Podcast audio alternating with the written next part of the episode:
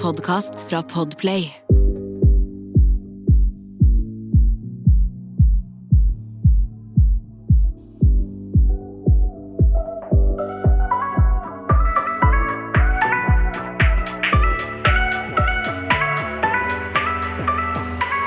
Hei og velkommen til en ny episode av Dagen derpå. Det er Jasmin. Hallo, det er Sanja her, og velkommen til dere alle. Både nye og gamle. Nå rimer vi her. ja, ja, ja, ja. Nei, OK. Så sånn er det her. Det her blir en litt eh, spesiell, litt annerledes episode. Ja. Fordi Og en eh, veldig, veldig spennende, eh, litt syk episode, må jeg bare Egentlig. si. eh, Um, ja. ja. Fordi dette er en episode som jeg og Sanja eh, nå, Vi spiller inn en intro nå eh, til denne episoden. Fordi En dette gammel episode. Det er en gammel episode som vi har hatt inne i systemet vårt, inne i biblioteket vårt. Spart. Eh, Spart til eh, når man da skulle føle at det var riktig, og føler at man er liksom klar for å gå litt i dybden på det. Ja. Eh, og det handler rett og slett om, for vi var litt innom det i forrige episode, Yes. eh, det at jeg er fosterbarn, og, og hele liksom Ja, eh, også det intervjuet jeg gjorde med The Human Aspect. Ja. Og det er eh, også da egentlig den episoden handler om. Eh, Mm. Sanja var nysgjerrig etter å ha sett på den eh, videoen, eller det intervjuet med The Human Aspect som jeg gjorde. Ja. Eh, det var tidligere i vår. Så hadde jo du masse spørsmål eh, til meg. Masse. Eh, og så spilte vi inn en episode fordi det var liksom ferskt da. Og så har vi bare hatt den liggende. Ja. Og nå føler vi at Nå kommer den ut. nå kommer den ut. Og det, jeg syns det er veldig spennende. Jeg er veldig spent på hva, hva folk kommer til å eh, Responsen. ja. Da tror du jeg er blotter meg og så står naken på Ja, gata? Men jeg Nei, tror dette er, er bare en eh, Altså, jeg var eh, veldig sjokkert over mange av tingene som kom frem, og dette her er ikke det er ikke snakk om bare foster, at den er et fosterbarn. Det, er, jo, det er jo snakk om fra din egen familie. Mhm. Hva som har skjedd. Uh, forskjellige ting som har skjedd. Altså, du går veldig i dybden på ting som har skjedd. Det er ting som jeg, all, som jeg ikke visste selv, uh, og du har fortalt meg før også om ting som har skjedd, så jeg bare uh, Ja. Det, det er mye, mye sensitivt, på en måte. Mm, veldig. Og det er liksom sånn Nei, men hva skal jeg si? Det er Det er liksom min sannhet, da. Mm. Uh, Men det er veldig sterkt. Ja. Det er det. Og Det- jeg, jeg, jeg var så stolt det- over deg når du hadde gjort det. Jeg husker det. ja, jeg husker vi sto og klemte her og gråt. Og det var jo tøft. Det var jo Mm. tøft å spille inn, og det, vi, det ble jo tårer her i studio. Og som jeg sa til Sanja, eh, er at ja, vi la oss eh, kjøre ut med den episoden. Men jeg har jo ikke hørt gjennom den siden vi, spilt, siden vi hadde den samtalen. Nei, ikke jeg heller, men jeg husker inn. mye sånn sjuke ting som du fortalte, som jeg bare Ja. Ja, så jeg, vil, jeg gleder meg til å høre den episoden Ja. igjen, jeg også. Jeg òg gleder meg til å sitte for meg sjæl i kveld og så bare høre igjennom. Det Eh, gleder deg? Føler du at det er, det er deilig å så kan få det ut? Altså, Eller er det sånn både-og-følelse? På den måten at jeg vet at det, selvfølgelig, folk vil jo dømme uansett. Det er alltid noen Men som gjør det, Men til syvende og sist så er jo jeg tro med meg sjæl, og dette gjør jeg fordi nok en gang skal jeg drive og si at jeg ønsker en mer åpen og ærlig verden. Mm. Så må man bare faen meg begynne å gjøre det sjæl, da. Man må jo det.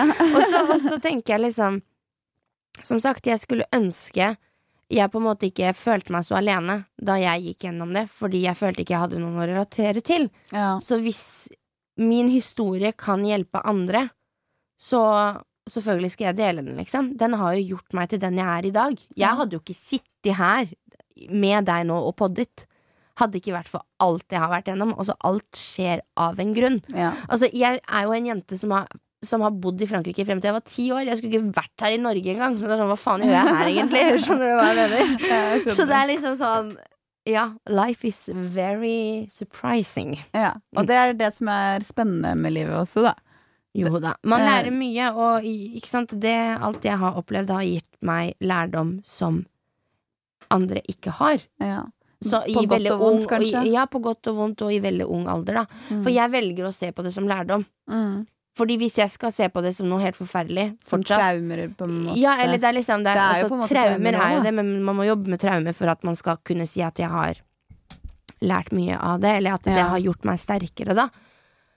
Eh, å kunne se på det den, på den måten, og ikke sånn ja, Fy faen, så jævlig jeg har hatt det, eller fy faen, så jævlig jeg har det, eller Du vet sånn. Mm. Jeg er heller sånn Jeg vil finne styrke i den elendigheten som jeg har måttet vært gjennom, da. Ja. Ja. Og, sånn, så det er jo det som driver meg.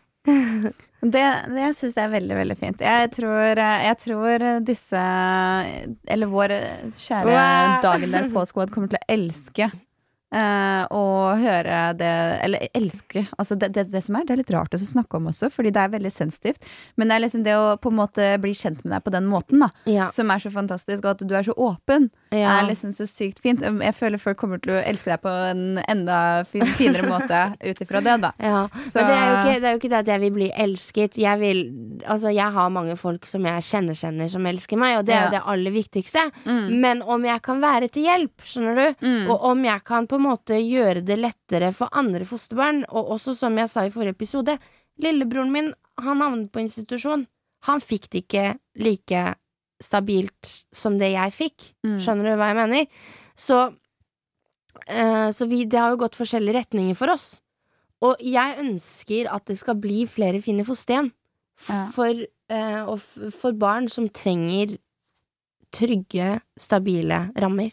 Og bare kjærlighet. For det er så mange som jeg tror egentlig Egentlig tør Eller egentlig vil, ikke tør Egentlig vil bli fosterhjem Mm. Men så tør de ikke For de er redd for at Nei, men herregud, det der er jo bare trøblete unger Ikke sant? Ikke sant. Hvorfor skal vi slippe det inn i familieroen vår? Mm. Men det er jo ikke ungen sin feil, liksom. Nei. Skjønner du hva jeg mener? Det som er, det man ikke skjønner, grunnen til at kanskje ungen er kaotisk, det er jo fordi den har det kaotisk rundt seg. Barn tilpasser seg veldig hvordan de har det, de er veldig sensitive for det. Mm. Men hvis de har det trygt og stabilt og rolig og fint, og det er bra, altså skjønner du, alt det der, Mm. der, så vil jo ungen også oppføre seg deretter. Ja. Så det er liksom um, Det er ikke ungen man skal være redd for. Man Nei. skal heller være redd for Og la de Eh, være der de er. Ja, egentlig. eller være redd for at liksom At faen, dette var noe jeg hadde lyst til å gjøre, Mm. men så gjorde jeg det aldri. Ja, Eh, og så sitter man også med den følelsen at liksom Det er så mange som Som trenger Mm. eh, en fin, god familie.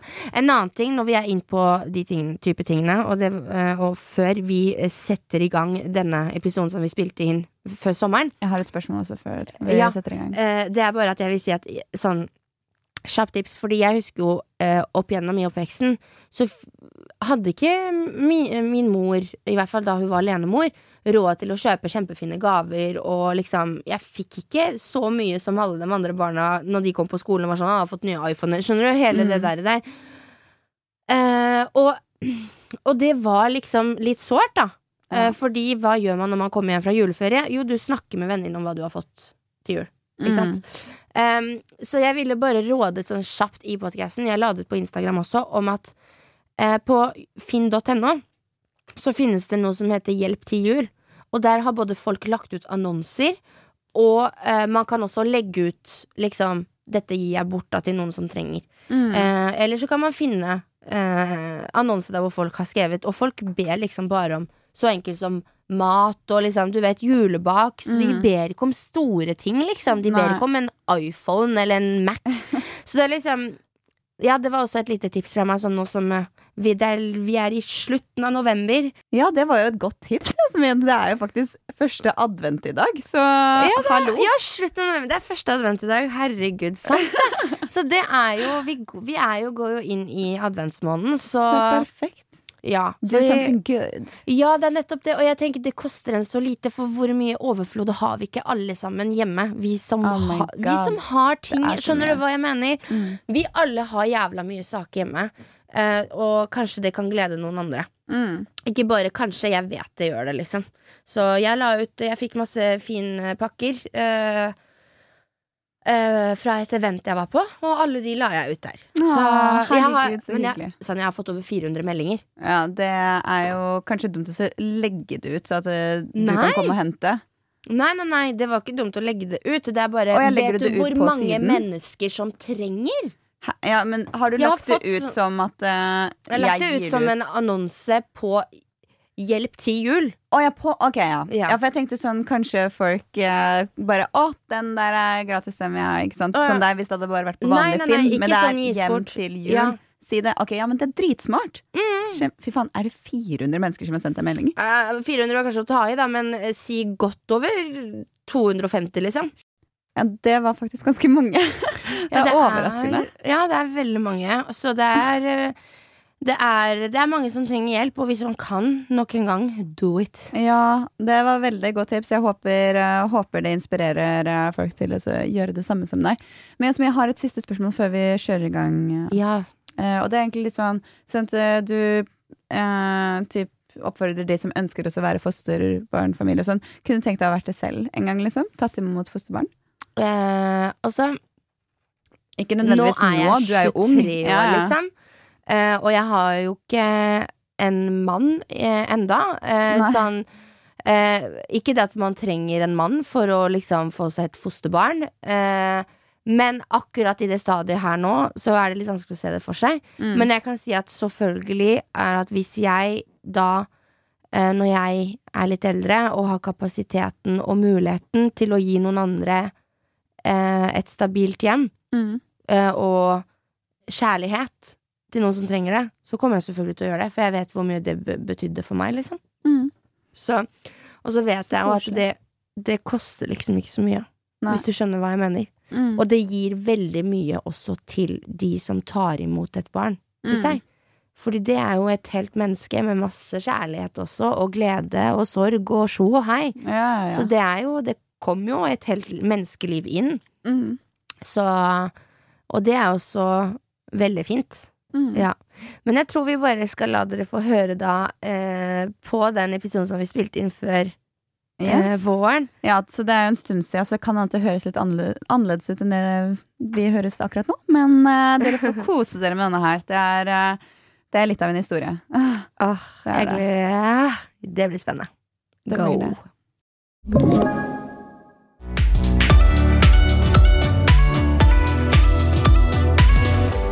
skal snakke litt grann, eh, dypt i dag. Ja, Eh, er jeg forberedt på det? Du, du har jo allerede fått uh, tømt deg litt, fordi du var jo på The Human Aspect. Det var et intervju med dem. Stemmer. Ja, og der har jo du delt Ja, du forteller jo om barndommen, du forteller om sykdommen du har hatt, som gjorde deg lam. Uh, og det er jo noe du har jobbet lenge med og holdt egentlig kortene veldig tett til brystet. Det er ikke, sånn, det er ikke mye du har snakka om ellers, holdt på å si, i offentlig, da. Nei, og ikke til deg heller, egentlig. Jeg Nei. tror kanskje du litt sånn, ble litt overraska når du så intervjuet, for det var sikkert mye du ikke visste om Ja, meg der Du har jo fortalt mye i, av noen av de tingene, men det Mm. var liksom øh, Fordi du har jo hatt en når, vi hadde, når jeg var innlagt på sykehuset, du delte jo veldig mye av hvordan du følte deg da, fordi du kunne liksom gjenspeile deg i det. Mm. Og jeg syns det var veldig kult å høre, men jeg, siden at jeg har allerede hørt noe, så har jeg liksom litt ekstra spørsmål da, Ja, til det. klart. Og jeg tenkte, det nå, nå så jeg jo på det som en lytter, holdt på å si. Ja. Uh, og jeg tenker kanskje podkast-familien Ja, kan vår vil ja. kanskje høre enda litt dypere inn i det. Så klart. Det, tenk, det tenker jeg er en god idé. Mm. Jeg syns jo det er moro, og det er liksom Det er jo det jeg vil eh, Det er jo også derfor jeg ville bli offentlig person. Mm. Det var for å kunne på en måte jeg vil, jeg vil at min jobb eh, som offentlig person skal være å motivere, engasjere og eh, sette barnevernsbarnet på, kart, på kartet, rett og slett. Mm. Det er så viktig å, å gjøre det, og det er så viktig at disse barna som i utgangspunktet kanskje ikke blir sett av sine foreldre en- engang, og blir sett av samfunnet, da. Det tenker jeg er veldig viktig, og et viktig tema. Mm. Men eh, sånn, først sånn at folk kan liksom gå inn og sjekke det ut. Hvor, hvor finner man intervjuet? Intervjuet finner man jo da På Instagramen min så er det jo swipe up-linker der, og så står det også i bioen, så kommer du, da trykker du inn på linken, så kommer du rett inn på intervjuet. Ja. Eh, hvis ikke så er jo på The Human Aspect sin nettside. Så søker du på Jasmin San Miguel, og der finner du intervjuet. Mm. Så jeg anbefaler å gå og sjekke ut det, for vi kommer ikke til å snakke om det akkurat det samme. Nei. Nå kommer jeg til å spørre spørsmål om ting jeg lurte på som jeg, etter å ha sett på det. Ja, spennende. Det er gøy. Eh, det første jeg tenkte egentlig å høre med deg, var jo hvordan det føltes å liksom endelig få fortelle historien din. For jeg vet jo du har holdt Det er liksom bare vært dine nærmeste som har vet, vi, Mm. vite litt, og Ja. så har det. Som har vist litt. Ja, for det, det som er, det er at eh, jeg, jeg, for, Først og fremst vil jeg bare si responsen har jo vært helt sinnssykt. Det har bare vært helt sinnssykt. Det var neste spørsmålet mitt, så det var, Ja, det var fint å vite. men, eh, men det, det, grunnen til Det at er jeg, grunnen til at jeg sa det, er fordi folk som har kjent meg i veldig mange år, har jo ikke visst dette her om meg engang. Fordi så tett har jeg holdt det, for det er så personlig og så Det ligger så dypt inni meg, da. At det å på en måte Skulle jeg først ut med det, så ville jeg at det skulle gjøres på en ordentlig måte. Og det skal sies at det intervjuet, det er én brøkdel av hele historien. Eh, la oss si Ja, det er veldig mye mer som ligger bak det. Og jeg jobber med litt spennende prosjekter om dagen. Som eh, mest sannsynligvis kommer til å gjøre det mulig for meg å dele enda mer, og kanskje hjelpe andre. Eh, men eh, Hva var spørsmålet? Hvordan føle eh, Hvordan føles det å Ja. endelig fortelle Eh, din historie? For meg så føltes det utrolig godt å endelig kunne liksom Ja, men altså ta av meg litt maska mi, da. Fordi folk oppfatter meg som en veldig sånn eh, overfladisk, veldig sånn eh, livet på stell og eh, du vet at jeg bare er Jeg bare fucker rundt. Mm. Skjønner du? At jeg bare er den reality-deltakeren som elsker å drikke seg dritings. Ja, jeg gjør det òg, men det fins flere sider ved en person, og det er jo en grunn til at jeg har blitt som jeg har blitt. Um, men for meg så var det veldig viktig at det skulle gjøres på en god måte, og da The Human Aspect er jo en frivillig organisasjon som jobber for å få frem andres historier for å hjelpe andre, og det var, jeg følte at det var en flink plattform å starte hele min reise. Det er veldig godt å høre at du har fått en bra feedback, og at du har eh, Ja, at du har liksom syntes det var godt å så endelig få ta av deg den maska, da. Ja, øh, føler liksom at eh, det har jo vært så mye rykter og så mye forskjellig om både det ene og det andre om min barndom og mine biologiske foreldre, og det er ikke måte på, og da blir jeg litt sånn eh, Bitches, dere vet ikke hva dere snakker om. Mm. Slutt å snakke om noen andre sin historie, slutt å snakke om noen andre sin oppvekst, når dette er nok mest sannsynligvis mennesker som aldri har møtt meg engang. Mm, Ja. Det er det. Folk vet ikke hva som er liksom The be. Ja, behind the scenes, da, Ja. si, sånn, hva folk skjuler. Jeg tror alle har en veldig mye større bagasje enn det man kanskje tror, og så er vi bare så sinnssykt flinke til å filtrere det, på en måte. Ja, det er akkurat det. eh, og skjule det. Men uansett, la oss faktisk gå litt inn i historien din. For Jeg jeg, har sittet og tatt notes, skjønner du. For jeg er bare sånn Å, dette her var spennende. Ok, dette vil jeg vite. Herregud. Jeg er litt spent på hva du har funnet på nå, Sanja. For vi, vi har jo ikke snakka sammen i forkant av denne episoden. Vi, jeg visste jo at vi skulle ha episode om mitt intervju, men jeg vet jo ingenting om spørsmålet. Altså, helt ærlig, jeg, går, jeg, jeg, er, ganske, er ganske sånn eh, re- direkte her, altså. Rett på. Ja, men Du eh, takler det? Jeg er vant med å være rett på. Jeg er jo rett på person sjøl, jeg. Ikke sant. Mm. Ok, men da bare går jeg litt inn her. Altså, du starter jo med å fortelle mye om når du var liten og når du gikk på skolen og eh, ting som skjedde der. Eh, og en ting som jeg fikk sånn datt av stolen-moment, var når du forteller at et familiemedlem truet deg eh, på livet. Eh, og det var jo basically at de prøvde, de truet med å drepe deg. Eh, og da er jeg sånn Jeg vil bare vite hvor gammel var du når det her skjedde? Ehm, dette skjedde da uh, jeg, Det var Da jeg fikk den tusjen, det var jo i desember i 9. klasse. Så man er vel 14? Ja, noe i den- 13-14. Uh, så jeg gikk i 9. klasse. Uh, og det var midt på natta. Jeg sov hos, hos en venninne. Ok, Eh, så ja. du eh, Ja, for det var også ble, ble det sagt direkte, eller Ja. over telefon? Nei, det, jeg kan jo fortelle For det, har, det har jo vært en rettssak rundt det her, og Ja. det, det er jo mange år siden nå, da. Eh, men det kan si, jeg kan jo si det at eh, jeg var uh, hos ei venninne. Jeg drev og sang mye før. Uh, mm. Tro det eller ei, så kunne jeg visst synge. Jeg sang på Chat Noir Mm. i Oslo. Eh, og var med på eh, Altså Åge Stein Nilsen, hvis du vet hvem det er. Han, jo, han pleide å ha veldig mange store sånn, juleshows og sånn. Mm. Og jeg var da korist. Ok, kult. Eh, var, Jeg gikk også på i kor da jeg var Ja. liten. Fy faen, så Men det her var ikke kor, kor sånn sett, men det var liksom sånn at vi var tre jenter da, som kora oh, bak. ja, sånn, ja, ja. Eh, og så var det litt dans, og litt, vi var litt statister bak, og litt sånn sånne ting. Og jeg skulle være med på 25-show. Jeg hadde ei venninne der som, fra Fredrikstad. Hun også holdt på med det samme som meg. Hun holdt på med sang. Mm. Eh, og så eh, fikk jeg ikke tak i mamma. Klokka var jo tolv på natta når vi kom tilbake fra Oslo. Skulle på skolen dagen etter. Fikk ikke tak i mamma. Eh, telefonen hennes var avslått. Og da, var sånn, da sier jo hun venninnen min Men Jasmin, du kan jo bare bli med hjem til meg. Mamma henter meg på togstasjonen nå.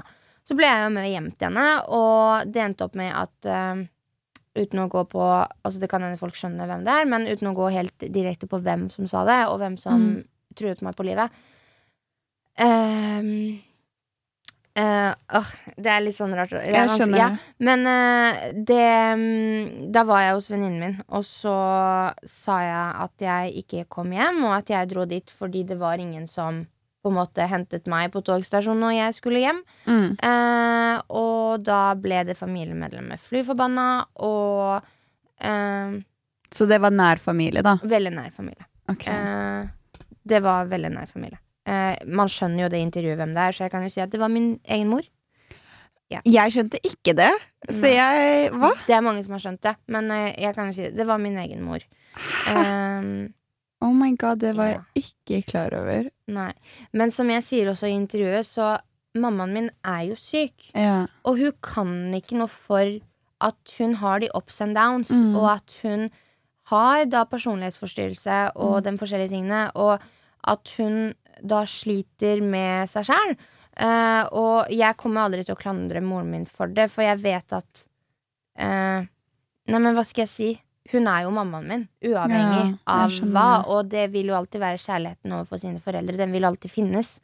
Eh, Jeg, har, jeg, jeg, jeg kan forstå det, men jeg har også aldri forstått helt den derre Når det har skjedd ekstremt mye sånn vonde ting, da, ja, eh, som på en måte den forelderen har gjort, det er jo på en Mm. måte Det er jo en omsorgssvikt. Veldig. Og sånn Jeg syns det også er så utrolig å se liksom da at barna er sånn Jeg tilgir alt det du gjør. Jeg, sånn jeg er elsker deg ja. uansett. Og når du Altså, det er ganske ekstreme ting, da, Ja. det her. Uh, så det er litt sånn Du har jo gått over stokk og stein da, for mammaen din. Det har jeg, og det skal jo sies at det handler jo mye om at Fordi jeg har ingen andre enn mammaen min. Ja, For jeg har jo aldri møtt pappaen min. ja det er sant. Um, og, eller, jeg har møtt han. Da var jeg fem år. Det husker jeg ingenting av.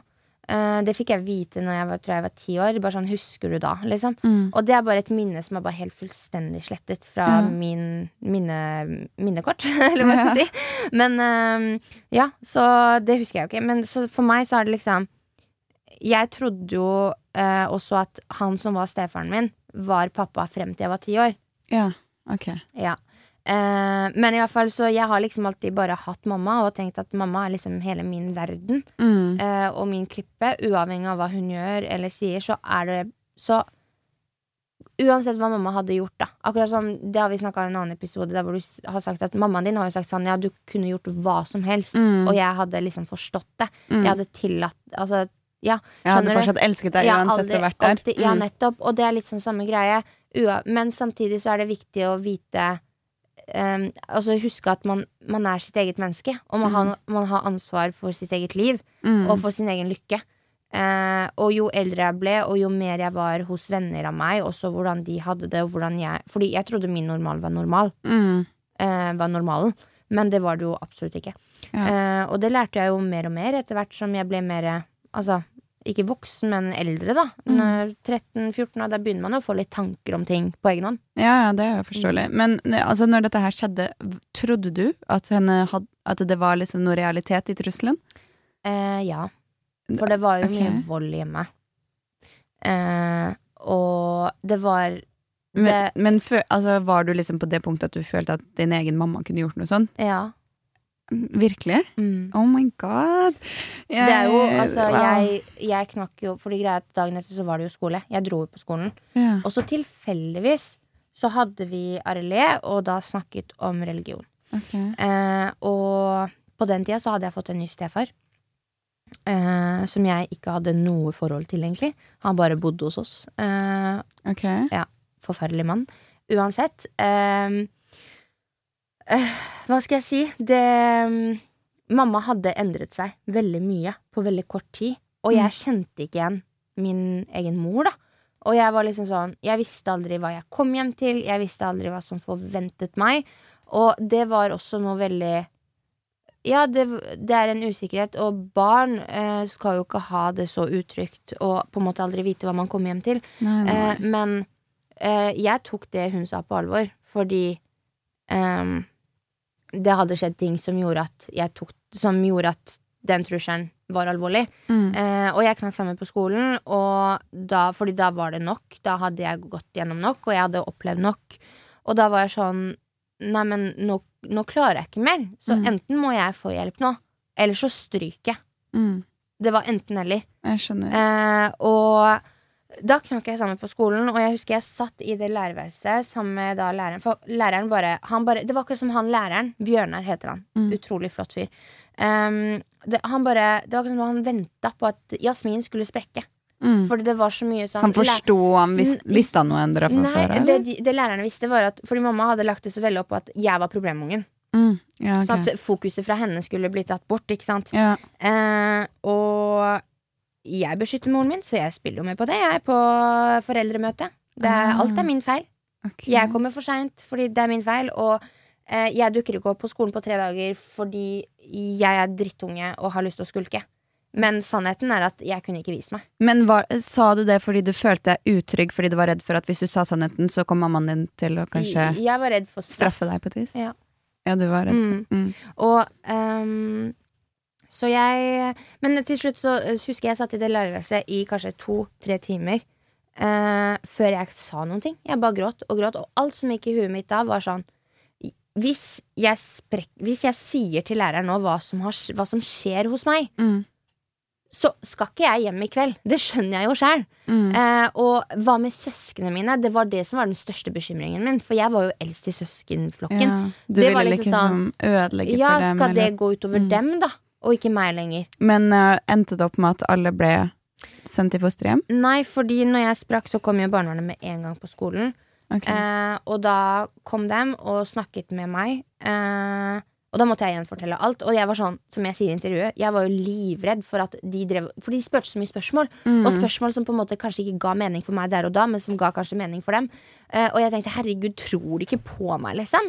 Men så var det jo bare fordi de ville finne ut av saken, liksom. Mm. Uh, og nå falt jeg litt ut av det. Beklager. Eh, det bare ble mange tanker. Men eh, det, det var i hvert fall eh, Jeg husker bare det øyeblikket. Det var akkurat som La oss si du føler Ok, nå skal vi gjøre litt humor ut av det, da, selv om det er veldig trist tema. Eh, når du har gått og holdt deg lenge før du må på do, sånn skikkelig lenge, og så bare sånn uh, Det var bare ganger, veldig, ganger lett, ti. veldig ti. lettelse, liksom. Ja, på Mm. mange måter, samtidig som at den der, det stresset og den redselen for søsknene mine var der. Men det som skjedde da, var at mamma, når eh, barnevernet hentet meg på skolen og flyttet meg på da akutt Altså, jeg bodde jo i skjult adresse eh, lenge. Sånn at Ja. ingen skulle vite hvor jeg bodde. Jeg kunne heller ikke si det til folk. Mm. Eh, og venner og sånn i Fredrikstad. Eh, jeg måtte holde det veldig hemmelig, så jeg forsvant jo plutselig fra Fredrikstad. Og jeg var jo en jente som farta masse rundt. Jeg drev med både basketball, fotball. Mm. Eh, altså, jeg var aktiv, jeg hadde mange venner, jeg kosa meg. Drev med sang. Mm. Eh, så plutselig forsvant jeg, og folk skjønte jo ingenting. Og fikk masse spørsmål og hva har skjedd, og hvor er du, og na, na. Ja, ikke sant. Um, Var det da du havna på, på fosterhjem? jeg, jeg, jeg havna på samme dag, ikke fosterhjem, beredskapshjem. Ja. Samme dag som jeg la alt frem til læreren, så kom barnevernet på skolen. Mm. Jeg ble flytta fra skolen Fredrikstad barnevernskontor. Mm. Fredrikstad barnevernskontor satt jeg der i seks timer og bare venta. Du møtte ikke mammaen din noen gang? Nei, nei, nei, nei, nei, nei. Okay. Ingenting. Satt der i seks timer, kanskje, og så sier da uh, hun som, som fosterfaren min kaller det, barnevernstanta, sier da Nei, men nå har vi en løsning. Nå, nå skal du i beredskapshjem. Det er kun midlertidig til vi finner ut av saken. Og det var da ikke hos mamma og pappa- pappaen din nå? Nei, det Jo, det var hos Jostein og Toril. Var det? Ja, fordi Jostein og Toril var mine beredskapsforeldre. beredskapsforeldre. Og så kom jeg dit, og det var bare sånn match med en gang. Både med søs mine fostersøsken og da Jostein og Toril. Og de da søkte liksom Uten at jeg fikk vite det, da fordi vi, i tilfelle de fikk et nei, så søkte de om da å få beholde meg som fosterbarn. Åh, Mm, det er utrolig koselig. Ja, veldig. Og jeg, åh, jeg er så takknemlig for de fine fosterforeldrene. Jeg har jo møtt dem, de er jo helt nydelige. Ja, de er er verdens beste folk. Og det er liksom sånn Akkurat De er så trengte. forståelsesfulle, og det er sånn, de, er så, de lever så langt ifra min hverdag, da. Min Mm. hverdag er jo liksom sosiale medier, det er liksom litt ganske så veldig overfladisk i forhold til det de driver med. De er bonder, og de, de lever veldig sånn De har et veldig rutineliv, veldig, mens mitt liv er absolutt ikke rutiner, og det er Mm. absolutt ikke eh, jordnært på veldig mange måter. Eh, samtidig som at det er det også. Spørs hvem du spør. Mm. Men uh, uansett, da. De har så sinnssykt forståelse for det jeg driver med, og de prøver å forstå også, og sette seg inn i det, selv om de eh, typ ikke vet hva Instagram er, selv om jeg har prøvd å forklare det hundre ganger. ja. ja, men jeg ser jo den, da. Men det er, altså, det er utrolig koselig å høre at du på en måte At Ja. de var der så tidlig også, da. Ja. Etter det du sa i intervjuet, så trodde jeg at du fikk At du var først hos noen, og så Ja. kom du til noen andre fordi du følte det var så kjipt at du ikke skulle kunne være med disse her oh, ja, etterpå. Men det var jo det da var det, det var det jeg var redd for. Fordi Mm. det var faktisk fun fact. Um, barnevernet hadde jo funnet fosterhjem til meg i Bergen. ah, Så jeg skulle jo egentlig Jeg hadde vært jente i Bergen, jeg nå. Eh, kanskje ikke noe Paradise Hotel, kanskje ikke noe Ex on the Beach, kanskje ikke noe podkast med Sanja og Jasmin. mm, Altså skjønner du, livet mitt altså, Det er bare så mange tilfeldigheter som bare har klaffa. mm. Og hadde jeg fortsatt levd det livet jeg levde med mammaen min, så er det ikke sikkert jeg hadde levd i dag. Nei. Ikke sant? Det, Det er er bare sånn helt å sinnssykt å på tenke på. Ja. Uh, hvor, hvor sensitiv er du på å snakke om det Fordi du nevnte jo nå at du, det var mye vold i familien din, og i intervjuet så nevnte du at du hadde mye merker på kroppen. Mm. Uh, og jeg vet at det her er ganske uh, en drøy sak, holdt på å si, men samtidig så er det sånn inni- innimellom så må man på en måte få frem litt av det ugly truth, som vi er veldig på. Jeg bare lurte på, er det liksom Kan du Eh, fortelle oss Jeg kan jo på en- fortelle litt, samtidig som at Det som bare føles Ja. eller greit for deg da å si. Det er sikkert ikke behagelig noen av tingene Nei. å snakke om, men ja. Men, hva skal jeg si? Det kunne være Fordi det, det skjedde et skifte eh, i familien vår. Et vendepunkt. Eh, og det er når jeg får en ny stefar som, har, som er veldig ekstremist eh, muslim. Okay. Eh, og mamma da begynner å gå med hijab, og hun Ah, Så henne Hun, hun Convert, Ja. eller hva heter det? Ja. Convert, Ja. Og det, det er igjen kjærlighet gjør blind, ikke sant? Man ser ikke. Og mamma var i et veldig trist punkt i livet sitt da hvor eh, hun hadde jo ikke det bra. Så Mhm. bare hun fikk litt kjærlighet av noen som ville gi henne kjærlighet, så tok hun det imot, og så Ja. tenkte hun ikke på resten. Nei. Og det har jeg alltid sagt. Altså, i forholdet til meg og mammaen min, da, så er det alltid jeg som har vært den voksne. Helt siden Mm. jeg var ti år, helt siden vi flyttet til Norge, så har jeg vært med mamma. Fordi jeg lærte meg norsk på tre-fire måneder. Mm. Eh, og eh, Fordi barn lærer jo veldig fort språk når man er ung. Men i hvert fall jeg, fra tiårsalderen så var jeg Lille Jasmin på ti år var med mammaen sin til Nav og tolka for mammaen sin. Jeg var med mamma til legen og tolka for mammaen min. Så jeg har liksom alltid på en måte mamma har, Jeg tror ikke nesten mamma har sett meg som sin datter, og mer sånn venninnen hennes. For hun fortalte alt. Jeg satt på DNB da jeg var ti år og betalte regningene til moren min. Jeg satt og sendte eh, sånn der, hva heter det, dagpengerkort eh, da jeg var ti år. Meldekort, liksom. Meldekort da jeg var ti år. Jeg, jeg, jeg blir sjokkert over det.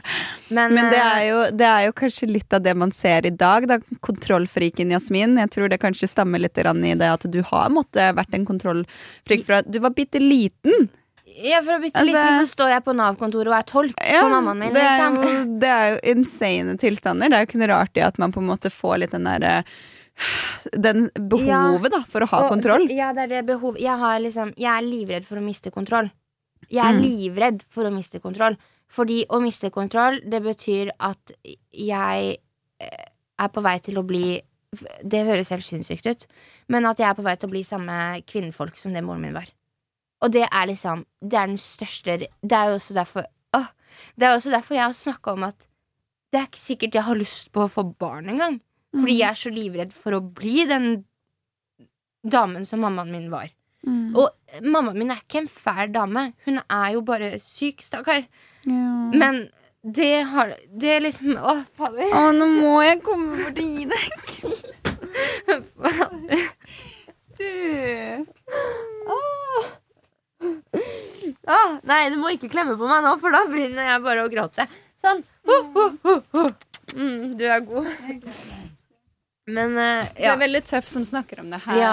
Og jeg skjønner, altså, tingene du sier, det er Jeg skjønner at det er hardt, og så- ja, det er det. men du er veldig, veldig tøff, Jasmin. Jo, takk for det. Og det er liksom uh, når du spør om liksom hvordan type vold det var, det var alt mulig type vold. Og det jeg skulle frem til med at uh, han stefaren som var ekstremist, da eh, Det er liksom plutselig da så jo Så ble jo jeg tvunget på å ta på meg hijab, jeg òg. Og jeg måtte jo liksom okay. Jeg sykla ut til skolen hver dag, eller så kjørte mamma meg. Uh, og det be mamma begynte med å kjøre meg til skolen hver dag, for hun skulle jo passe på at jeg hadde på meg det sjalet, da.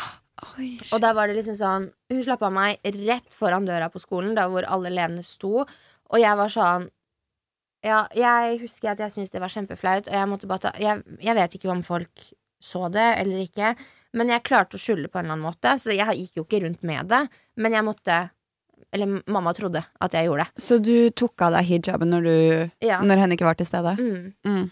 Og tenk da for meg som på en måte aldri var oppvokst med det, da. Mm. Eh, at det liksom ble en del Av av, hverdagen. hverdagen. Og Ja. eh, jeg til Altså, jeg var jo mester på å finne på unnskyldninger for, Mm. for mamma hele tida.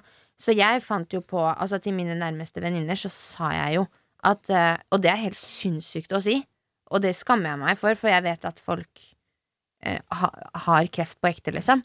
Men jeg sa at mamma hadde mista håret, og derfor var hun hun, var, hun ville ikke vise det. Og derfor gikk hun, for jeg ville beskytte mamma med at med, med hva som skjedde hjemme, så at Mm. ikke folk skulle ha mistanker. Så da sa jeg heller at mammaen min var syk. Mm. eh, at hun hadde begynt å miste håret. At hun gikk på cellegift. da Shit. Og det er ganske sykt å si, og jeg vet det, og jeg håper ikke folk kommer og sender meg meldinger for det, og bare sånn Er det For jeg vet at det er legit folk dauer av kreft, liksom, og Ja, ja. folk har kreft, liksom. Men eh, det var min unnskyldning. Men du var et barn ja. som eh, eh, altså, prøvde å bare beskytte deg selv og familien, liksom. Så det eh, Ja. Så, Nei, det er sinnssykt, liksom. Herregud. Ja, så det, det jeg kan si da, er at det, um, det, det var også sånn Jeg husker også mamma etter at hun ble på en måte såpass muslim som hun ble, da. Eh, så alt av sommerklærne mine, shortsene mine, så tok mamma og tok de foran øynene på meg.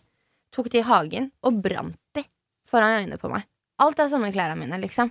Og det var sånn Du skal ikke gå med sånne klær mer. Og dette var jo ikke mamma som frivillig gjorde. Dette var jo fordi hun ble bedt av det. Bedt om det av da den personen hun var sammen med, da, som gjorde henne fullstendig blind på det. Ja, Så det var ikke hennes sitt valg, egentlig? Jeg Eller tror, jeg tror, du vet at ble bare veldig sånn Ja, eh, nei, påvirket av ja. det? Jeg tror bare mamma ble veldig, veldig, veldig Jeg vet Jeg tror hun var litt fortapt i seg selv, og når hun da fikk den kjærligheten hun kanskje trodde var kjærlighet, da, Mm. um, så gikk det i huet på henne. Ja. Og så mista hun alt av fornuft som man kan miste. Mm. Ja. Uh, jeg vil snakke litt om sykdommen din også, uh, men jeg vil bare spørre noen siste spørsmål om mammaen din. Mm. Eh, du dro og besøkte henne, Ja. Uh, og det var, etter det jeg husker, når, som du har fortalt meg, så var det rett før PH, er det riktig?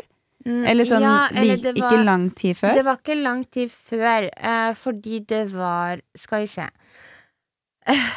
Vi var på PH i starten av 2021. Mm. Eh, det var i 2018, første gang jeg besøkte mammaen min eh, etter alle de årene. Eh, og da hadde jo det gått kanskje seks år.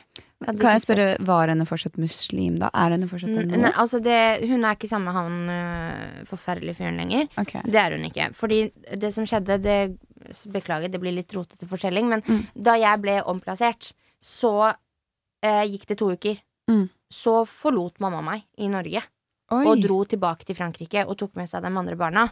Eh, Fordi hun var redd barnevernet skulle ta dem òg.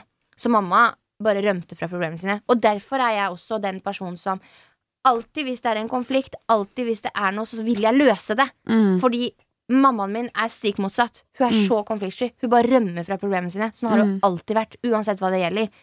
Uh, og hun snakker ikke om, om eh, på en måte problemene hennes i det hele tatt. Mm. Eh, og eh, igjen, da, når jeg var og besøkte henne etter seks år i Frankrike, da dro jeg henne dit uten å si noen ting. For jeg bare følte meg klar. Jeg var sånn Nå er jeg klar. Hadde du adressen hennes bare, liksom? Nei, jeg Eller- tok kontakt med onkelen min, broren til mamma, eh, og var sånn Here I am. Eh, mamma har bursdag om en uke. Jeg kommer. Ble henne sjokkert henne Ja, fordi vi, jeg husker jeg gikk opp trappa til leiligheten der hvor mamma bor, mm. Eh, i Frankrike, og, eh, og så bare gikk jeg inn i stua. Som ingenting. Og det var så rart, fordi det var sånn, du vet, når jeg kom inn, Mm. så var det sånn Den der Jeg bare begynte å hylgråte med en gang, for det var, du vet den hjemmelukta som Ja. er bare hjemme, som Mm. er liksom familien din sin lukt. Jeg skjønner hva du mener. Ja, det var bare sånn, Den lukta hadde ikke jeg lukta på seks år, liksom. Altså, det er så sykt. Altså, jeg har så sinnssykt nært forhold til mammaen min. Mm. Så jeg, jeg kjenner jo heller ikke min biologiske far, uh, så jeg skjønner at man blir liksom ekstra knytta til mammaen sin. Mm. Jeg klarer ikke å se for meg at mamma ikke skulle vært der for meg på de tøffeste tidene. Nei. Og det har liksom du måtte Du har måttet gå Altså, bare når Vi skal jo gå inn på sykdommen din etterpå, at du har vært lam. Ja. Bare det måtte du takle uten mammaen din til stede. Mm. Uh, og jeg tenker liksom Åssen er det mulig for et barn å bare du, du har ingen liksom, familie som man kan lene seg på, og det er, veldig, det er ikke alltid like lett, Men det altså. skal sies, da. Jeg har jo det. For jeg har jo Jostein Ja, og Toril. jeg veldig, har veldig fått verdens fineste fosterforeldre som virkelig De ser meg, Mm. og de, de, de ser liksom Jasmin, som har vokst fra den 14 år gamle Jasmin som var livredd alt mulig og var kjempe, kjempelystløgner. Mm. Det, det var det jeg var. Okay. Fordi livet mitt var en løgn. Jeg Ja. gikk rundt og beskytta mammaen min hele tida. Mm. Um, til å bare liksom vokse, til å på en måte bli liksom Nei, men jeg skal bli det stikk motsatte av det mammaen min var. Og jeg skal Ja, jeg skal ha den kontrollen jeg vil ha, og jeg skal eh, ta de konfliktene jeg må ta, og jeg skal aldri la meg Jeg skal aldri la noen misforstå meg, og derfor blir det så sårt for meg, da. Når Når da dette det. året etter at jeg ble offentlig person, at jeg kun har følt meg misforstått, og at folk liksom har et bilde av meg som kanskje ikke er det som er liksom Jasmin, da. Mm. Men det er også det bildet jeg kanskje har laget av meg sjæl som forsvarsmekanisme fordi Nei, jeg vet ikke. Men du skjønner Ja. Ja, men jeg, jeg ser for meg det at det sånn, de, de stedene der hvor du har mista hodet ditt og sånt, at du har Altså, det ligger litt sånn Jeg tror det alltid ligger en grunn til, en, til hvordan man på en måte oppfører seg, og hvordan Ja. man Ja, jeg tror alltid jeg ligger en liten grunn Ja, under og det Er også og- derfor sånn Du vet når jeg møter folk Mm. Og det, sånn var det jo. Vi var jo, hang jo masse podcasten, vi prater jo masse, men det jo Det var jo ikke før sånn typ nesten et år, der hvor jeg faktisk åpnet meg om mitt private liv, sånn Mm. før Før Altså alt før liksom mitt liv, liksom, med Ja. barndommen min og sånn. Eh, fordi for meg, jeg har liksom bare den muren at jeg er veldig åpen mot alle jeg møter, og jeg lar de bli kjent med meg. Mm. Men jeg lar de bli kjent med den Jasmin jeg vil de skal bli kjent med. Ja. Fordi det er så sårt, og så Det ligger så langt og dypt inni meg at jeg Jeg har ikke råd til å bli skuffa mer. Mm. Jeg, jeg har ikke ork til det. Mm. Jeg har ikke lyst til det. Så det når jeg først har noen i mitt liv, så blir det menneske... Det betyr så mye for meg, da. Mm. Så det er liksom sånn Det er derfor det blir så sårt når jeg også mister noen i livet mitt, da. Ja, jeg skjønner det. Ja. Nå, du Ja, jeg sender masse kjærlighet der.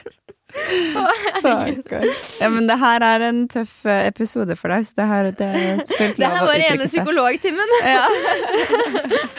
Men det er bra med psykolog. Alle sammen som hører på, vær så snill. Sliter du med noen ting?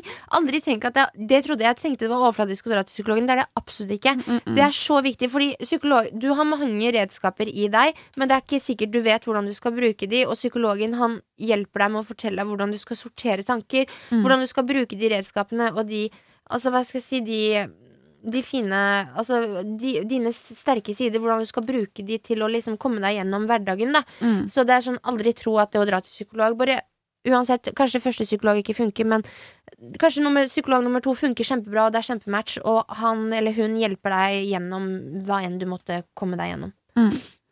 Ja, men eh, det syns jeg var veldig fint. Så aldri se på det som en skam å dra til psykolog og snakke om seg sjæl og snakke om sine problemer. Nei, Det er jo derfor det fins et yrke. Jeg har også hatt psykolog, og det har virkelig vært noe Altså, det hjelper deg. Det, Ja. det, er, det gjør ingenting annet enn å hjelpe deg, helt ærlig. Det er akkurat det. Uh, men uh, jeg uh, Jeg tror Jeg vil bare spørre om ett spørsmål til. Ja, ja, ja. Før vi går videre til sykdommen din Ja. uh, Har du liksom Altså, du møtte jo mammaen din, og du begynte å hylgråte. Vi fikk ikke høre så mye mer. Oh, ja, Fikk ja. dere liksom et forhold Nei, det var tilbake? skulle si. Eller Det, ja, det, beklager, jeg spoler litt her. Men uh, det som skjedde, var at vi bare klemte og klemte og klemte og klemte og gråt og gråt om hverandre. Og så ble hun kjempeoverraska. Hun trodde jo det var en drøm. Hun skjønte jo ingenting. Og bare datteren min, liksom Uh, Fordi det, det er ikke bare jeg som har følt det sterke båndet med mammaen min. Hun også har liksom visst at jeg har jo ikke noe fars Aldri hatt en ordentlig farsrolle i Mm. livet mitt. Eller det er litt tull å si, fordi jeg hadde jo pappaen til mine søsken. Mm. Han var jo min pappa til jeg var ti år. ja. Frem til jeg fikk vite at han ikke var pappa. Så var Mm. han min pappa. Men anyways um, uh, Så jeg tror mamma også har liksom Som sagt, da. Hun er veldig konfliktsky. Så Mm. når jeg var der i to uker og besøkte henne, så snakket vi ikke noen ting om det som har skjedd. Oi, Ingenting. Okay. Fordi, og da, som jeg sier i det intervjuet også, så sier jeg liksom Kanskje jeg er klar for å snakke om det, fordi jeg har bearbeidet, bearbeidet det, og jeg har vært i samtaler, og jeg har Mm. hatt et godt støtteapparat rundt meg. Men det er ikke sikkert mammaen min har det. Og da er det kanskje ikke sikkert at hun er klar for å prate om det. Mm. Så da lot jeg være, fordi hun Det virket ikke som hun var interessert, og det eneste hun klarte å si, var bare 'beklager for at du måtte gå gjennom', Ja. og for at jeg forlot deg. I Norge. Mm. Shit, altså. Eh, kan jeg også spørre, visste hun at du hadde vært lam? Eh, ja, fordi hun fikk vite det. Eh, fordi lillebroren min har jo bodd da med pappaen hans. Eh, for vi, ja ehm, Så han har bodd med han i Norge, og da har jo lillebroren min fått det med seg. Og han har jo egentlig alltid hatt kontakt med mamma sånn opp Mm. igjennom. For Men- han bodde jo først med mamma i Frankrike, Aha. men så ble det veldig mye ansvar for mamma med tre barn. Og, eller faktisk fire, for jeg har en lillebror som mamma fikk eh, sammen med han eh, fæle, fæle Stefan. Mm. Eh, så ok, det er to stefar. Han fæle, fæle, fæle, og så er det han fæle. Han fæle, det er pappaen til mine søsken, og han fæle, fæle, fæle, det er pappaen til han yngste, yngste broren min. Som jeg var der i ti år? Oh, ja, du, så du møtte ikke han eh, andre, nei? Nei, han eh, minstemann eh, i, i søskenflokken min, da. Mm. Det er, det er liksom ungen til Er det din biologiske far, mener du? Hæ? Nei, nei, nei. Ok, nå skal Så jeg du har prøve. tre daddies, men ingen av de er liksom Jeg har én pappa som jeg Ja. aldri har møtt. Det Ja. er min biologiske pappa. Og så har jeg en eh, stefar som jeg trodde var pappaen min til jeg var ti år. Ja. Det er også pappaen til mine tre yngre søsken. Ja. Og så er det han fæle, fæle, fæle stefaren Mm. som eh, fikk mamma til å begynne å gå med hijab og sånn. Eh, han, Mamma fikk et barn med han. Og den ungen har jeg aldri møtt. Selv om da, da jeg var i. Frankrike, så var den ungen hos mormor og eh, morfar. Uh, så jeg fikk aldri møtt den lille okay. ungen. Men samtidig så Jeg vet faktisk ikke, og det er kanskje sykt å si, men jeg vet faktisk ikke om jeg hadde klart å Eller hvordan jeg Jeg hadde nok gjort det, for det er jo mye kjærlighet i meg, men den ungen ville nok Altså, den, det er mange vonde minner. Og hvis den ungen ligner på faren sin, så, Mm. Så vet jeg ikke om jeg noen gang hadde klart Eller det er nå bare tanker. jeg, jeg skjønner jo det at det kan liksom tenke sånn at Ja. det, følelsene kommer tilbake og sånt. Mm. Så ja, men jeg kan forstå det. Men eh, ok, så henne visste jo om at du hadde blitt lam. Kontaktet henne deg? Eh, ja, fordi i løpet av de seks åra vi ikke hadde noe kontakt, så prøvde jo hun å reach out til meg. hun Men det? jeg var ikke klar. Og okay. jeg var sånn Jeg skal bli klar før jeg snakker med deg. mm. Fordi nå skal jeg bare komme meg opp på beina igjen. For jeg var jo et totalt vrak når jeg Mm. kom til Jostein Toril som beredskap. Ja, det er ikke noe rart. Så jeg var sånn Jeg skal først være mentalt klar til å takle det her, før jeg i det hele tatt ja. Mm. Mm. Så men når du lå på sykehuset, hadde du ikke lyst til å snakke med mammaen din? Nei, det var ikke hun jeg hadde lyst til å få omsorg av. Det er Nei. jo ikke hun jeg har fått omsorg av de siste åra, liksom. Det var jo Jostein og Toril, så det var jo de jeg ville ha der, og mine nærmeste venner. Mm. Mm. Ok. Um, Men jeg jeg tenkte jo mye på det. ja, Jeg tenkte mye på sånn Vet mamma at jeg ligger her og tisser og bæsjer på meg, liksom? Men Og ikke kan gå? henne sendte deg aldri noe melding, direkte melding eller Jo, sånn men jeg hadde blokkert hun overalt. Så det, liksom, det var ikke det kom liksom ikke noe fram? Nei. Nei. Ok, men eh, da, eh, da vil jeg egentlig snakke enda litt mer om sykdommen din. Nå har vi gått gjennom, og herregud, du har sagt så mye. Og, altså, du er så tøff, Jasmin. Jeg blir sånn Men grunnen til at jeg, jeg si det at grunnen til at jeg klarer å dele så mye av det, det er fordi jeg har gått til psykolog. Mm. Jeg har hatt et godt støtteapparat rundt meg som har hørt på meg, Mm. som har vært der for meg. Og derfor er jeg liksom sånn Virkelig, liksom. Er det noe du sliter med, snakk om det. mm. Gjør det. Fordi Det er det det. det, er da du klarer å sortere det for deg sjæl også. Og når du har klart å sortere det for deg sjæl, da, da, da, um, da ser du litt lys i tunnelen. Da. Det er det. Ja. Jeg skjønner den. Um, ja, du forteller jo at du blir lam, uh, og du har jo fortalt meg mye om din opplevelse rundt det. Um, men jeg ser for meg at uh, det er sikkert uh, litt interessant for de andre, for de fikk jo veldig lite. Altså, du var jo for det første i russetiden Ja. når dette skjedde. Uh, og du hadde jo en del venner rundt deg. Du var jo russepresident også, var det ikke det? Nei, jeg var bussjef Jeg var på. Dorry 2017. Det er liksom Ja. Tix. Å, baby, kom og ta meg en gang til. Jeg husker sangen. Det var russebussen min. ja. Men du opplevde ikke russetiden? eh, jo, litt delvis. For jeg fikk litt permisjon fra sjukehuset. okay. eh, for det som var bare at jeg Det òg er jo også veldig mange som jeg gikk på skolen med, som bare sånn Når de så intervjuet, de bare What the fuck? Vi bare trodde du bare ikke gadd Bare droppa ut. Og jeg bare Ja, det var jo det jeg hadde sagt til folk. Ja. Eh, men eh, jeg lå på sykehuset veldig lenge. eh, og fikk den sykdommen som heter da gulen bare. I- På intervjuet så går jeg dypere i hva det går ut på, og hvor lang tid det tok å diagnostisere, for det tok veldig lang tid. Og det som måtte til, var en ryggmargsprøve. Og det er da en ti lang centimeter sprøyte som går inn i ryggmargen, tapper ut væske, og så fikk jeg også elektrosjokk på beina for å sjekke refleks. Det var masse greier. Men det tok i hvert fall to uker før jeg fikk svar på at liksom, det du har, Jasmin, det er Guillain-Barré. Og det er en sjelden sykdom som bare 50 mennesker får hvert år i Norge. Så det er bare sånn Å ja, ok, men kanskje jeg skal begynne å satse på Lotto òg, jeg, kanskje. men uh, ja, så uh, i, Så det var uh, veldig, veldig spesielt. Og jeg tenkte bare sånn hvor, i- Hvorfor i helvete skjer det her med meg? Ja. Tenkte jeg. Hva har jeg gjort? Hvorfor har jeg så dårlig karma? Mm. Tenkte jeg. Men uh, igjen, så Det var liksom de det- første tankene som slo Ja, deg det var det. Det var så hva er det jeg har gjort for å fortjene det her? Samtidig som at jeg hadde jo ikke gjort noe for å fortjene det her. Jeg hadde jo, det er rett og slett at jeg hadde vært så mye sjuk eh, og, altså halvåret før jeg fikk den sykdommen. For jeg hadde jo fått først Jeg fikk først lungebetennelse, Mm. og så gikk det en måned, så fikk jeg blindtarmbetennelse. Så måtte jeg opereres. Så først lå jeg på sjukehuset pga. lungebetennelse. Så ble jeg lagt inn igjen pga. blindtarmbetennelse. Måtte opereres. Så fikk jeg CMV-viruset. Det er typ kyssesyken bare nummer to. Og så da fikk jeg Guillain-Barré. Så immunforsvaret mitt var jo totalt ødelagt og skrullete. Og det er da det skjer at du får den sykdommen som heter Guillain-Barré. Så immunforsvaret ditt istedenfor å gjøre deg frisk, den blir liksom en gift mot kroppen din og går løs på nervesystemet ditt. Og typ spiser deg opp innvendig.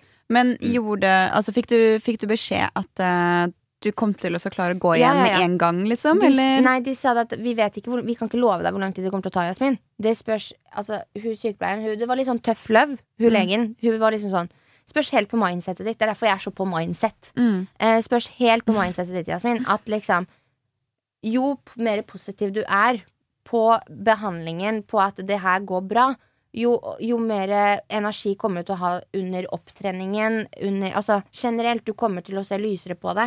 Eh, og det gjorde noe veldig med meg. Det var som en bryter hos meg. Fra liksom alt var svart, til jeg bare ding! Nei, Jasmin, det er ikke synd på deg. Det her skal du ta som en lærdom. Og du skal tenke at eh, det fins verre ting å få. Du kunne fått, ja igjen da, kreft. Du, jeg kunne fått eh, MS, fordi de trodde det var MS først. Det er noe du har resten av livet ditt. Det er ikke noe du blir kvitt. Så jeg tenkte at det fins verre ting å få. Jeg kommer til å bli bra igjen. Det er bare spørsmål om tid. Og spørsmål om mindset. Det er kjempebra. Jeg tror hvis jeg Altså ja, nei, hvis jeg hadde blitt lam i beina Fy faen, jeg hadde grinet i ukevis sikkert. Jeg tror Ja. jeg, tror jeg hadde liksom Nei. Det, det, du vet det verste av alt? Det som jeg syns var vondest med det, det var at jeg hadde jo en kjæreste på den tida, og han var jeg veldig, veldig, veldig glad i. Vi endte opp med å flytte sammen etter det. Mm. Nå er det jo selvfølgelig slutt, men um, jeg var veldig glad i han, og jeg var veldig sånn Shit, hva om han Han hadde jo russetida si. Mm. Hva om han nå det kommer en veldig pen jente. Hun Mm. kan gå, hun kan danse på beina sine. Liksom.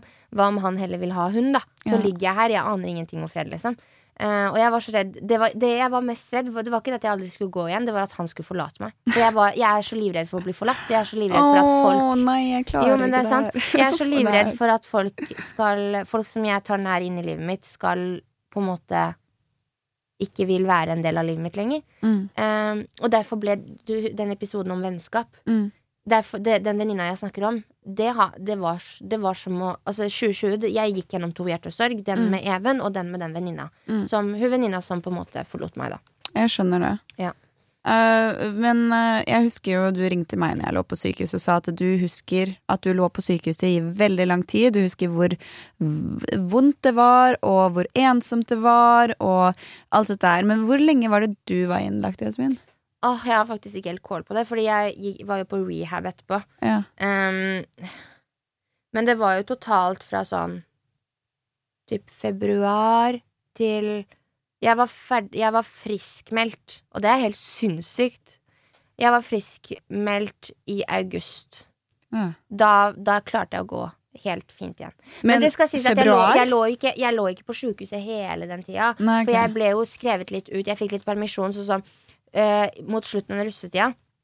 Så eh, klarte jeg liksom å gå, men jeg klarte ikke å, liksom, jeg klarte ikke å jogge. Jeg klarte ikke å hoppe. Mm. Jeg hadde null balanse. Lukka jeg øya, så falt jeg rett i bakken. Mm. For alt av sanser og sånn var jo borte. Alt av Mm. refleks i Mm. beina mine.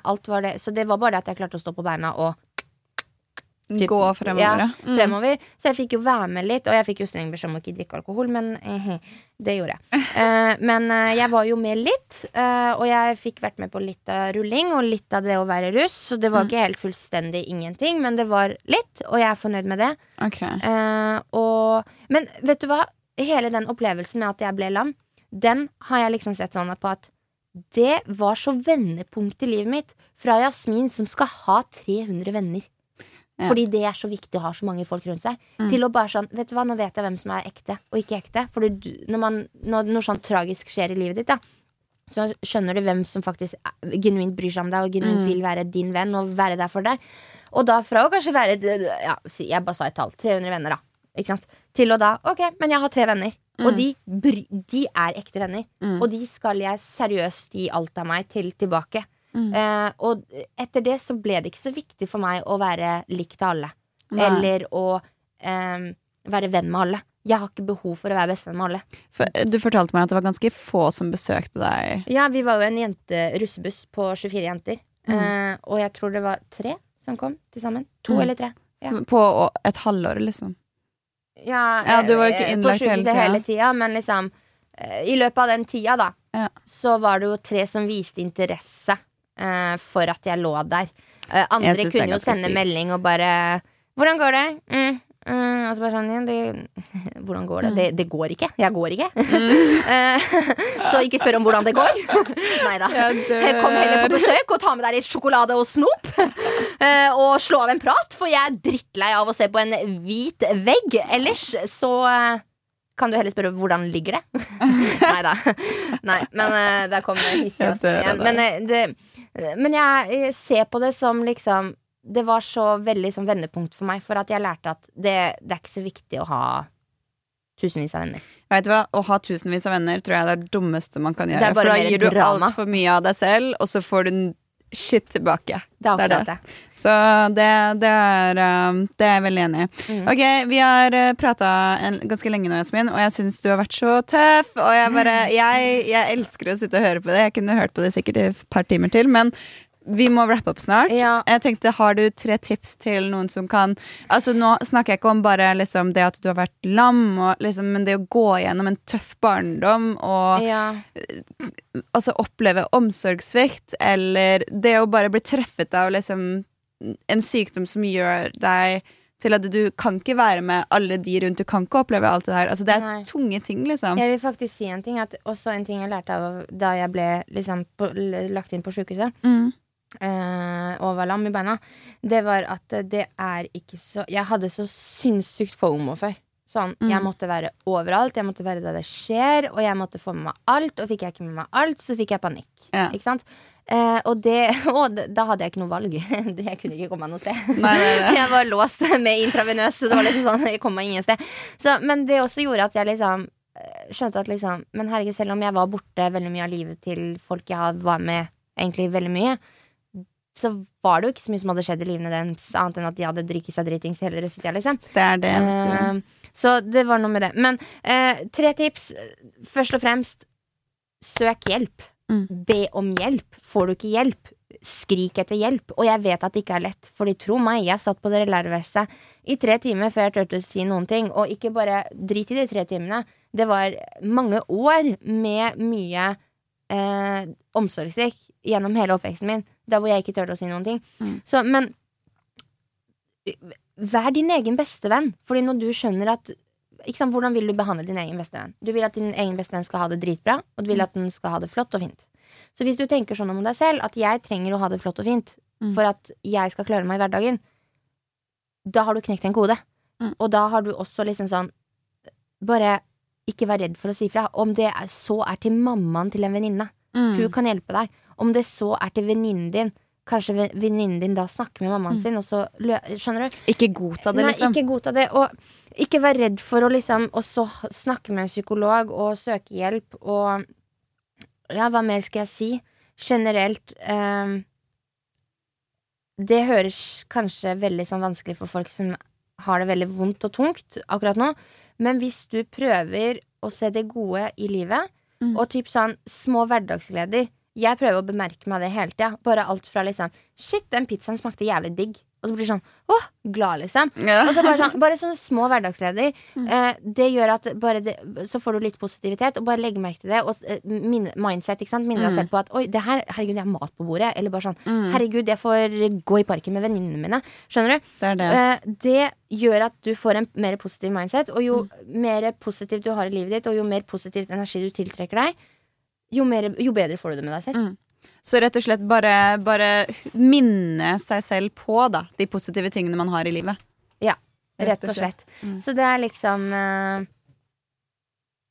Det er liksom egentlig Det er de eh, tipsa jeg kom nå på farta. Og eh, avslutningsvis så vil jeg jo si, som jeg sa i starten, det er at det, nå, som jeg, nå som liksom eh, Hva skal jeg si, katta ut av sekken, så er det det jeg kommer til å jobbe med. Mm. Jeg vil være liksom Ja, men om jeg er Norges hele storsøster for barnevernsbarna, Mm. så vær så god. Da vil jeg være det. Eh, og det er det jeg eh, kommer til å bruke all min tid og min plattform, min plattform som jeg eh, fikk av å være med på reality-TV. Det var derfor jeg ville være med på reality-TV. Mm. Ja. Eh, så det er det jeg kommer Altså det er masse spennende prosjekter jeg har på gang, eh, som er rundt dette her. Og eh, som sagt, jeg har jo bare delt eh, en liten brøkdel av historien min. Eh, Mm. Det ligger veldig, veldig mye mer bak som jeg ikke har delt. Eh, som kanskje kommer etter hvert. Eh, hvem Mm. vet? Eh, jeg vet. Men vi får se. Vi får se når den tid kommer. Men uansett, Jasmin, tusen, tusen takk for at du har vært så ærlig, og at du har latt deg selv få lov til å føle på de følelsene og sagt alt det du har sagt. da, vet du jeg tenker sånn, det er, det er hardt å høre på, og det er hardt å oppleve, men jeg tror det hjelper å snakke om det, fordi det skjer jo bak skjulte vegger, og så Og. Og hvis- tenker man ikke over det. Og det jeg tenker, hvis jeg viser at jeg kan snakke åpent om det, så kanskje en annen som ikke har turt å snakke åpent om det, tør å snakke om det. Mm. Og det er liksom det at ja, det er tungt å snakke om det, men det er også utrolig godt. Og Mm. det å kunne sitte her og dele eh, Dele med deg, Sanja. Det også betyr mye for meg. Du er Mm. en person som betyr veldig mye i livet mitt, og du er liksom blitt en så stor del av livet mitt. Altså, herregud, vi jobber sammen. Vi har en podkast som er på topplistene i Norge, som vi har fått til et eller annet. Mm. Noe stort sammen, da. Så du er liksom Det å kunne sitte og prate med deg, det er jo egentlig bare behagelig. Takk, det samme. ja. Jeg syns det er kjempe, kjempekoselig, og jeg syns Ja, jeg bare Jeg er fortsatt litt sånn Ja. av historien. Så La oss eh, Vi kaster det over skuldra for nå. Ja. Eh, og så eh, vil jeg vil i hvert fall takke for at du har brukt din søndag eller mandag eller hvilken dag du hørte på episoden på å høre på min historie. Og jeg vil takke deg, Sanja, for så gode spørsmål også. Takk selv. Og husk på at dere sjekker ut Instagrammen vår dagen derpå med en understrek. Altså, helt ærlig, hvis det bare hadde vært for å måtte si ifra til en, si ifra til oss. Altså, Ja. helt ærlig, vi, vi Men da er det seriøse henvendelser, of Ja. course. Men vi, vi, eh, vi, som sagt, jeg, jeg har sagt det. I'm here. ja. Og jeg ser dere på DM. Jeg leser gjennom alle mine DMs. Det tar litt tid før jeg får svart alle, men jeg ser alt, og jeg Det kommer. Det Mm. kommer et svar uansett. Så hvis, eh, hvis du er redd og føler ingen andre du kunne snakket med, så vet du at det er noen her. Ja. Og med det så kan vi wrap up denne, Wrap kanskje. up, og, ja, nok en gang takk for denne søndagen, og takk for denne episoden. Og hvis du lurer på noe mer, så er det bare å sjekke ut mitt intervju med The Human Aspect. Og ja, det var det. Ha det bra, folkens. Ha det godt, folkens.